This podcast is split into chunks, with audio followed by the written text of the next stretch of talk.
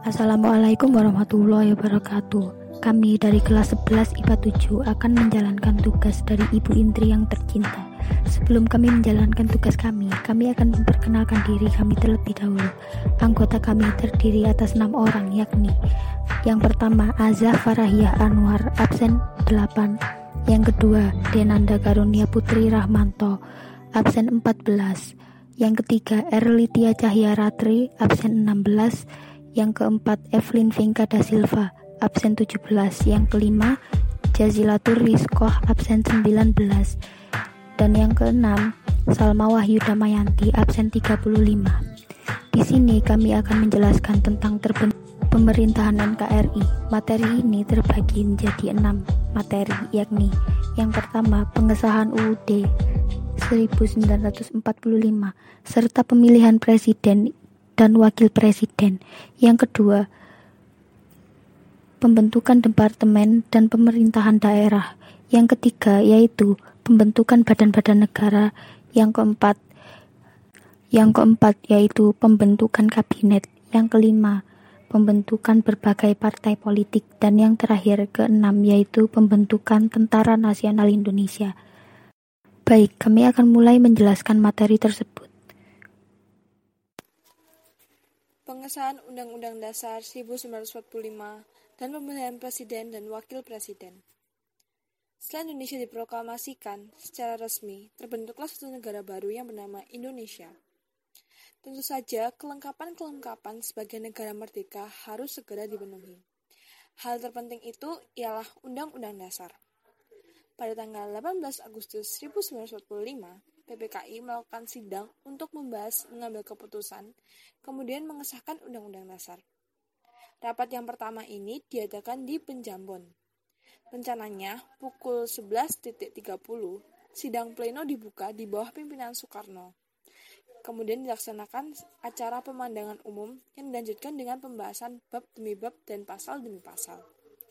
Namun, sebelum acara resmi rapat itu dilaksanakan, berkembang isu yang sangat krusial yang terkait dengan bunyi sila pertama dalam Pancasila yang merupakan bagian tak terpisahkan dari pembukaan Undang-Undang Dasar.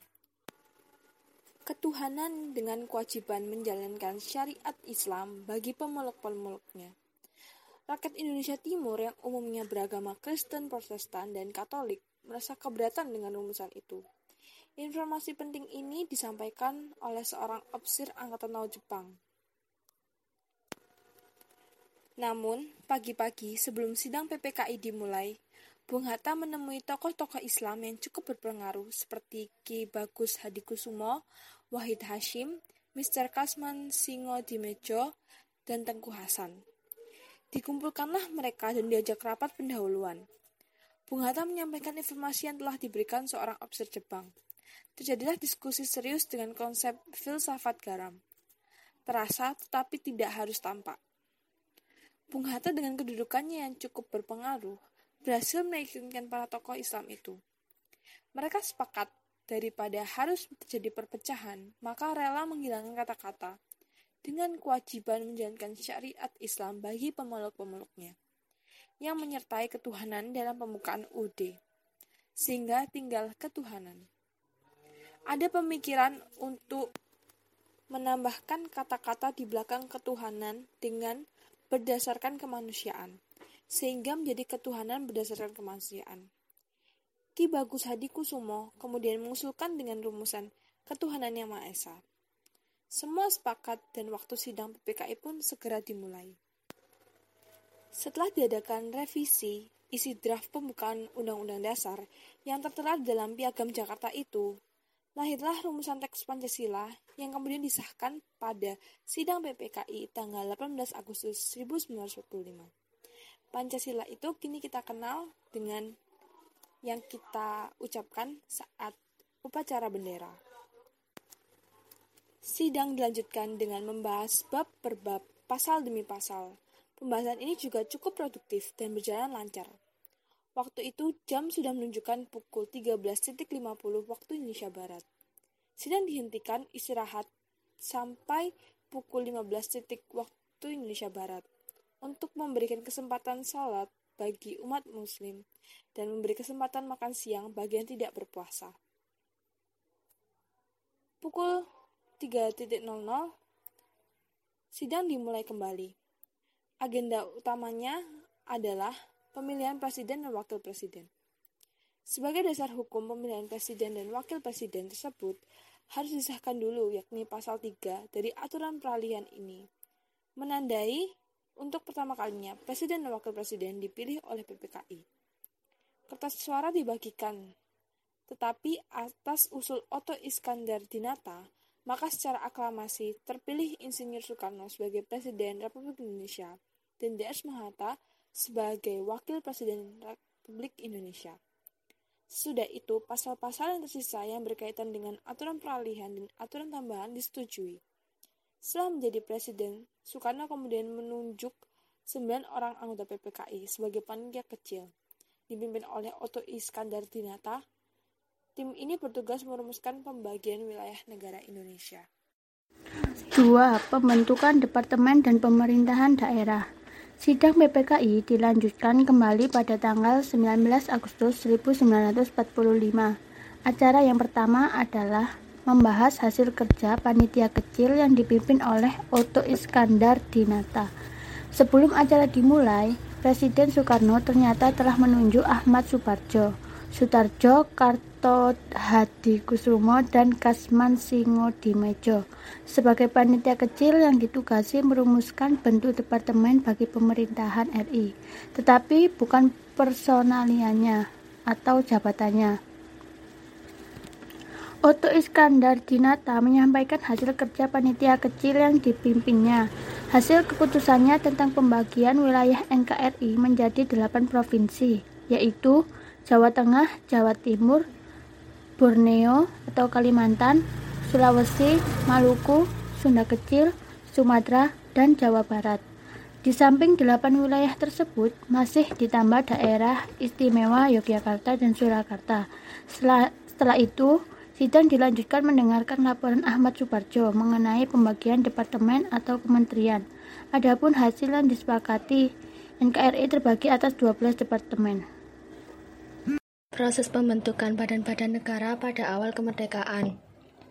Pada tanggal 19 Agustus, beberapa tokoh berkumpul dan salah satunya Ir Soekarno dan Muhammad Hatta untuk membahas anggota Komite Nasional Indonesia Pusat atau KNIP. Kemudian disepakati bahwa rapat KNIP direncanakan pada tanggal 29 Agustus 1945. Pada rapat PPKI yang ketiga, diputuskan mengenai pembentukan Komite Nasional Seluruh Indonesia dengan pusatnya di Jakarta.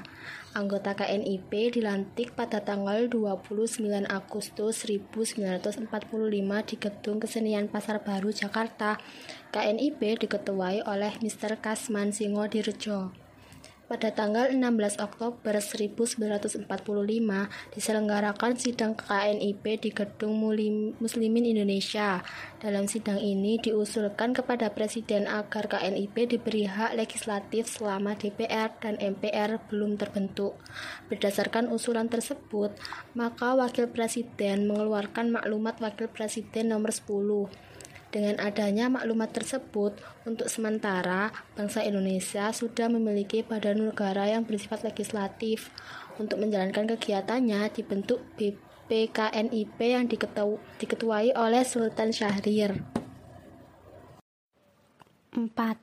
Pembentukan kabinet Presiden segera membentuk kabinet yang dipimpin oleh Presiden Soekarno sendiri. Dalam kabinet ini, para, pem, para menteri bertanggung jawab kepada presiden atau kabinet presidensial.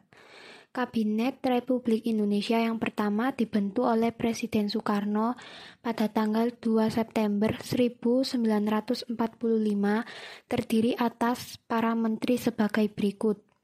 A. Menteri Dalam Negeri yaitu R. A. A. Wirana Kusuma. B. Menteri Luar Negeri Mr. Ahmad Subarjo, C. Menteri Keuangan, Mr. A.A. Maramis, D. Menteri Kehakiman, Prof. Mr. Supomo, E. Menteri Kemakmuran, IR Surakman Cokro Adisuryo F. Menteri Keamanan Rakyat Supriyadi G. Menteri Kesehatan Dr. Buntaran Marto Atmojo H. Menteri Pengajaran Ki Hajar Dewantoro I. Menteri Penerangan Mr. Amir Syarifuddin J. Menteri Sosial Mr. Iwa Kusuma Sumantri K. Menteri Pekerjaan Umum Abi Kusno Cokro Suyoso L. Menteri Perhubungan Abi Kusno Cokro Suyoso M. Menteri Negara Wahid Hashim N. Menteri Negara Dr. Muhammad Amir O. Menteri Negara Mr. R. M. Sartono P. Menteri Negara R. Oto Iskandar Dinata 5 pembentukan berbagai partai politik. Sidang PPKI pada tanggal 22 Agustus tahun 1945 juga memutuskan adanya pembentukan partai politik nasional yang kemudian membentuk PNI atau yang disebut Partai Nasional Indonesia. Partai ini diharapkan sebagai wadah persatuan pembinaan politik bagi rakyat Indonesia. BPKNIP mengusulkan perlu dibentuknya partai-partai politik yang kemudian ditindaklanjuti oleh Wakil Presiden dengan maklumat pada tanggal 3 November 1945. Setelah dikeluarkan maklumat itu, berdiri partai-partai politik NKRI. Partai-partai politik NKRI yang terbentuk misalnya, yang pertama, Masyumi atau Majelis Syuro Muslimin Indonesia, berdiri tanggal 7 November 1945 yang dipimpin oleh Dr. Sukim, Sukiman Wiryo Sanjoyo. Dua yaitu PKI atau Partai Komunis Indonesia yang berdiri pada tanggal 7 November tahun 1945 dipimpin oleh MR Moh Yusuf oleh tokoh-tokoh komunis. Sebenarnya pada tanggal 2 Oktober 1945 PKI telah didirikan. Yang ketiga, PBI atau Partai Buruh Indonesia yang berdiri pada tanggal 8 November 1945 dipimpin oleh Nyono. Yang keempat yaitu Partai Rakyat Jelata berdiri pada tanggal 8 November 1945 dipimpin oleh Sultan Dewanis. Selanjutnya yang kelima yaitu Parkindo atau Partai Kristen Indonesia berdiri pada tanggal 10 November tahun 1945 dipimpin oleh Dr. Prabowo Winoto. Selanjutnya yang nomor 6 yaitu PSI atau Partai Sosialis Indonesia berdiri pada tanggal 10 November 1945 dipimpin oleh Amir Syarifuddin. Yang ketujuh yaitu PRS atau Partai Rakyat Sosialis yang berdiri pada tanggal 10 November 1945 dipimpin oleh Sultan Syahrir. Yang kedelapan yaitu PKRI atau Partai Katolik Republik Indonesia yang berdiri pada tanggal 8 Desember 1945 dipimpin oleh IJ Kasimo. Yang kesembilan yaitu Persatuan Rakyat Marhaen Indonesia yang berdiri pada tanggal 17 Desember 1945 dipimpin oleh JB Asa. Yang terakhir yaitu nomor 10 yaitu PNI atau Partai Nasional Indonesia yang berdiri pada tanggal 29 Februari tahun 1946. PNI merupakan penggabungan dari Partai Rakyat Indonesia atau PRI, Gerakan Republik Indonesia dan Serikat rakyat Indonesia yang masing-masing sudah berdiri dalam bulan November dan Desember tahun 1945. Badan Keamanan Rakyat Beberapa minggu setelah proklamasi, Presiden Soekarno masih harus bersikap hati-hati. Sebab setelah sekutu menyerang, Jepang masih menjaga Indonesia agar sekutu tak masuk lagi. Karena takut oleh pemerintah sekutu, Jepang bersikap keras hingga melucuti senjata dan pembubaran peta pada tanggal 18 Agustus 1945. Jepang khawatir peta menjadi tentara Indonesia. Karena itu, Presiden bersikap lebih hati-hati agar Republik Indonesia tetap dapat berlangsung. Sampai akhir bulan Agustus 1945, sikap hati-hati Soekarno masih sama. Terbukti adanya sidang PPKI pada 22 Agustus 1945 yang menghasilkan putusan pembentukan BKR atau Badan Keamanan Rakyat.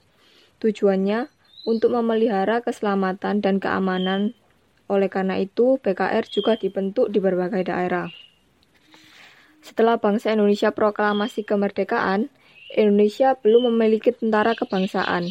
Kemudian, tanggal 18 Agustus 1945, PPKI yang diketuai Otto Iskandar Dinata merencanakan untuk membentuk susunan pembagian sebagian wilayah, kepolisian negara, tentara kebangsaan, dan perekonomian. PPKI mengusulkan bahwa rencana bela negara dari BPU, BPUPKI yang mengandung unsur perang tidak dapat diterima dan peta di Jawa dan di Bali serta Giyugun di Sumatera harus dibubarkan. Oto Iskandar Dinata dibantu Kasma Singo Dimejo dan Abdul Kadir untuk membentuk tentara kebangsaan. Abdul Qadir kemudian ditunjuk untuk menjadi ketua panitia khusus itu.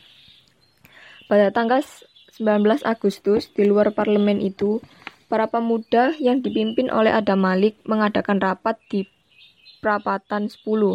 Hadir pula Kasman, Ki Hajar Dewantoro, dan Sultan Syahrir.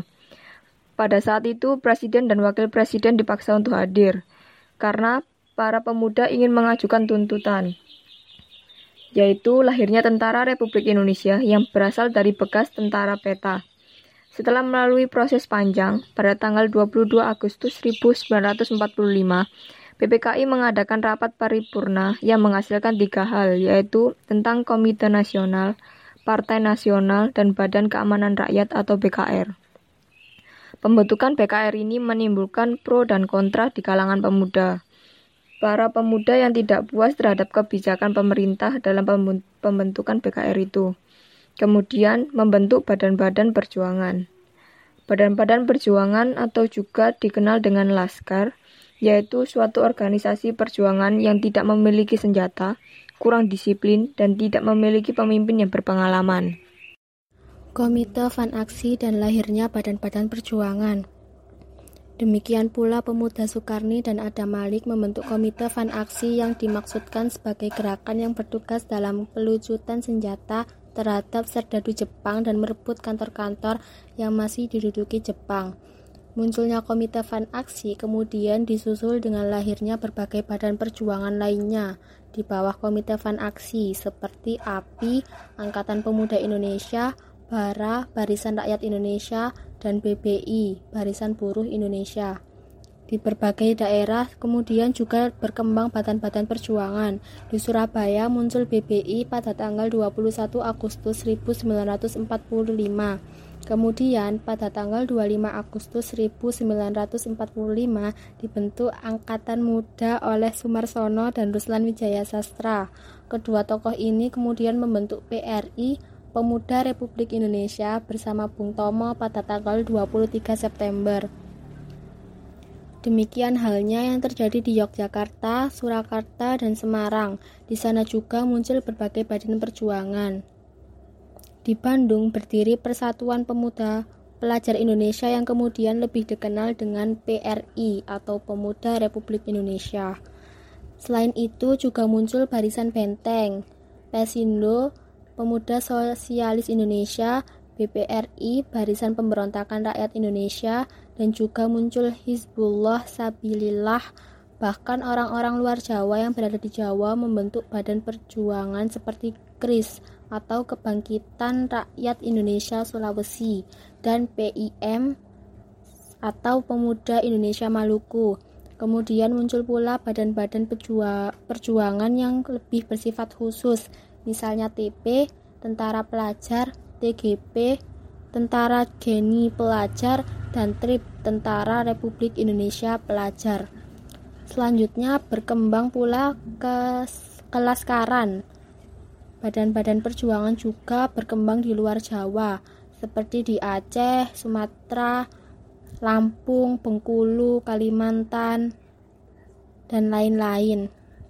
Dengan munculnya badan-badan perjuangan tersebut, maka dapat dikatakan bahwa di seluruh tanah air telah siap menggelorakan revolusi untuk membersihkan kekuatan Jepang dari Indonesia. Badan-badan perjuangan yang berkembang di luar Jawa, yaitu pertama, di Aceh terdapat API atau Angkatan Pemuda Indonesia yang dipimpin oleh Syamaun Gaharu dan BPI, Barisan Pemuda Indonesia kemudian menjadi PRI, Pemuda Republik Indonesia, yang dipimpin oleh A. Hashim. Kedua, berada di Sumatera Utara. Terdapat Pemuda Republik Andalas. Ketiga, di Sumatera Barat terdapat Pemuda Andalas dan Pemuda Republik Indonesia Andalas Barat. Keempat, berada di Lampung terdapat API yang dipimpin oleh Pangeran Emir Muhammad Nur. Kelima, terdapat di Bengkulu yakni PRI yang dipimpin oleh Nawawi Manaf. Keenam, berada di Kalimantan Barat terdapat PPRI atau Pemuda Penyongsong Republik Indonesia. Tokoh-tokohnya antara lain Musa Nirani dan Jayadi Saman. Ketujuh, berada di Kalimantan Selatan terdapat PRI yang dipimpin oleh Rusbandi. Kedelapan, berada di Bali terdapat AMI Angkatan Muda Indonesia, dan PRI. Dan yang terakhir berada di Sulawesi Selatan terdapat PPNI atau Pusat Pemuda Nasional Indonesia yang dipimpin oleh Manai Sofian, Amri, Angkatan Muda Indonesia, Pemuda Merah Putih, dan Penunjang Republik Indonesia.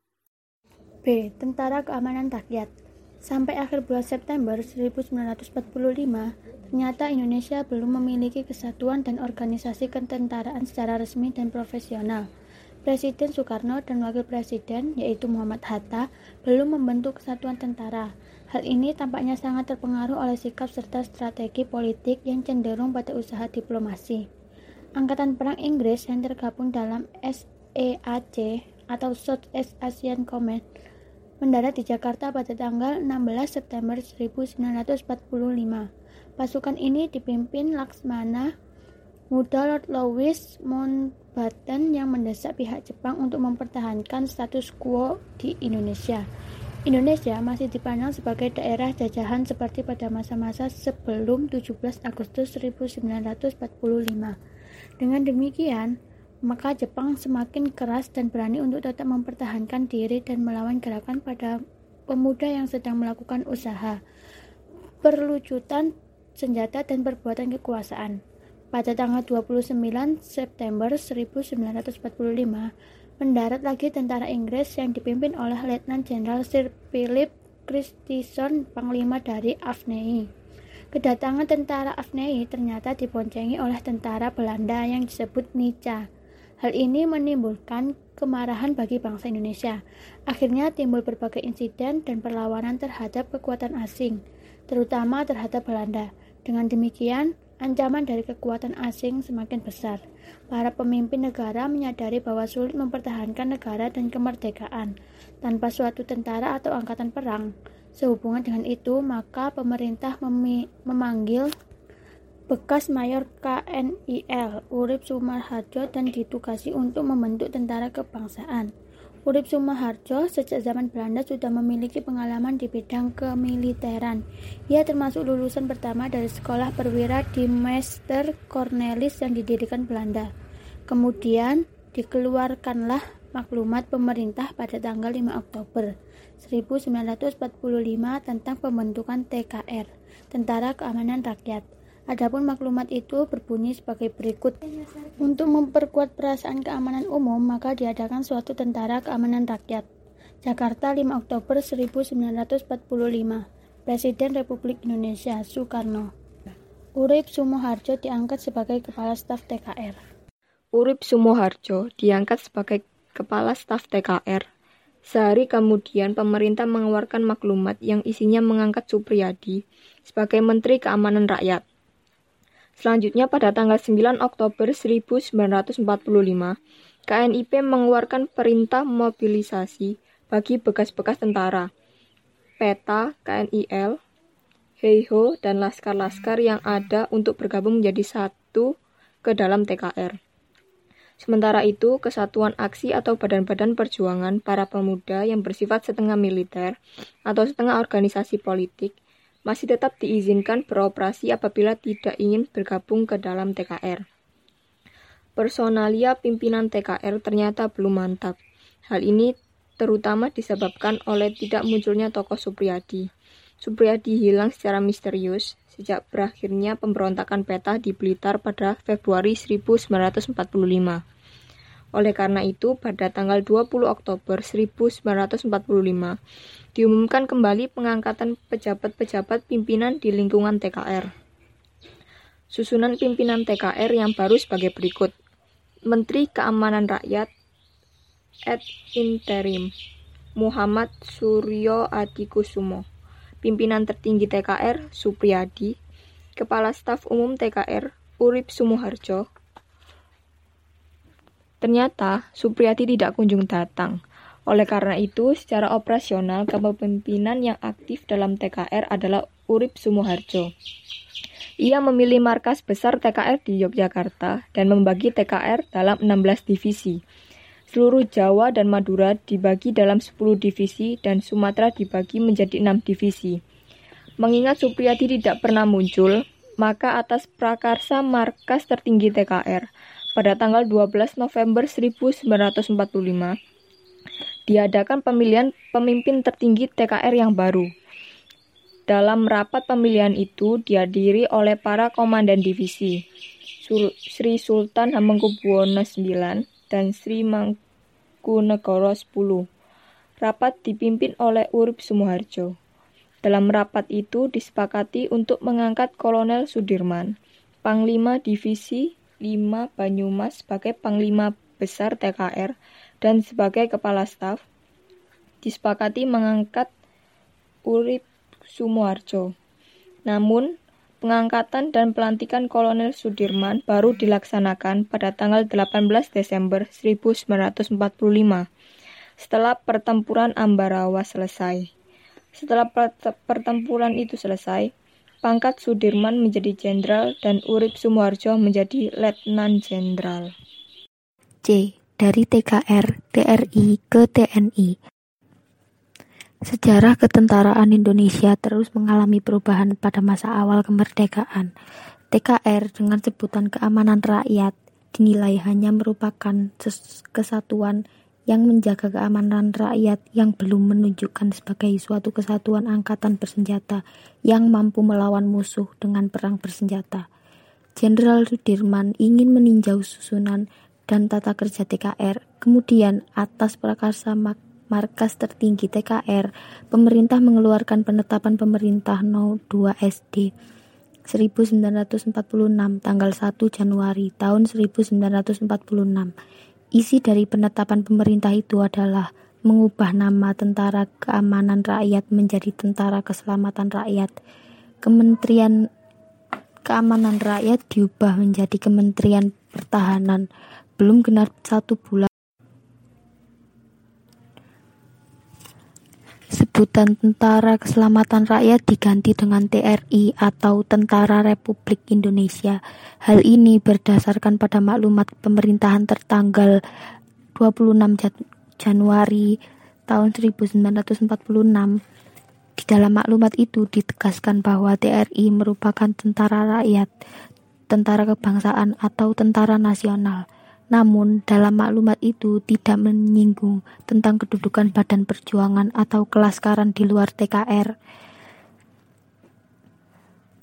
Di dalam lingkungan markas tertinggi, TRI kemudian disempurnakan dengan dibentuknya TRI Angkatan Laut yang kemudian dikenal sebagai ALRI atau Angkalan Laut Republik Indonesia dan TRI atau Angkatan Udara yang dikenal dengan AURI atau Angkalan Udara Republik Indonesia. Tanggal 17 Mei diadakan beberapa perubahan di dalam organisasi. Beberapa perubahan itu antara lain sebagai berikut. Yang pertama yaitu di lingkungan markas besar A. Panglima Besar yaitu Jenderal Sudirman dan B. Kepala Staf Umum yaitu Letnan Jenderal Urip Sumar Sumoharjo. Dua yaitu pengurangan jumlah divisi A. Jawa sampai Madura yang semula 10 divisi dijadikan 7 divisi ditambah 3 brigade di Jawa Barat dan B. Sumatera semula 6 divisi menjadi 3 divisi.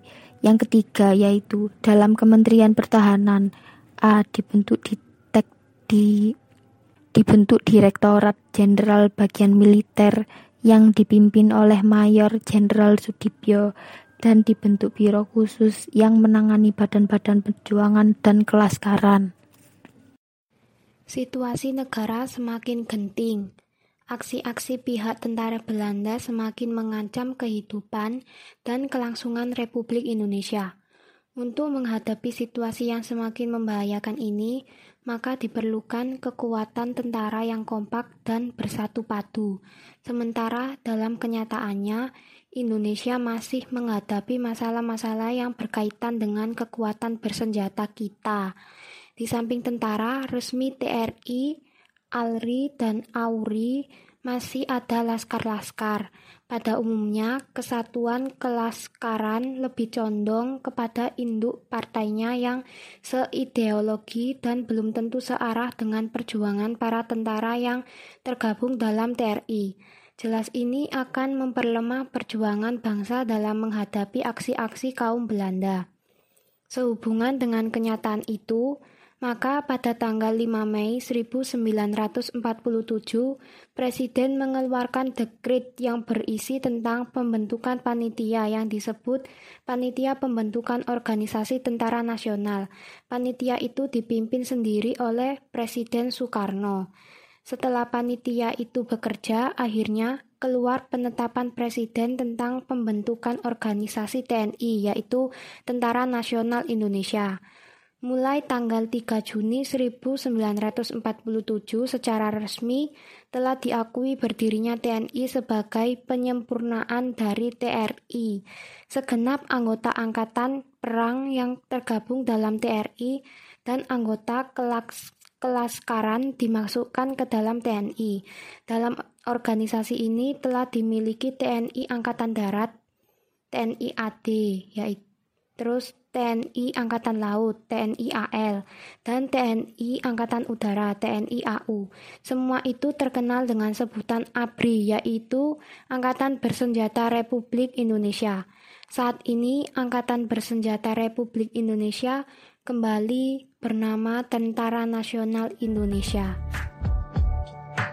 Baik, penjelasan kami sudah berakhir. Mohon maaf jika ada salah kata atau hasil kerja kami yang tidak sesuai dengan ekspektasi. Kami sangat berterima kasih kepada Anda yang sudah meluangkan waktu Anda untuk mendengarkan podcast kami. Sekali lagi, kami mengucapkan terima kasih yang sebesar-besarnya. Sekian dari kami. Wassalamualaikum warahmatullahi wabarakatuh.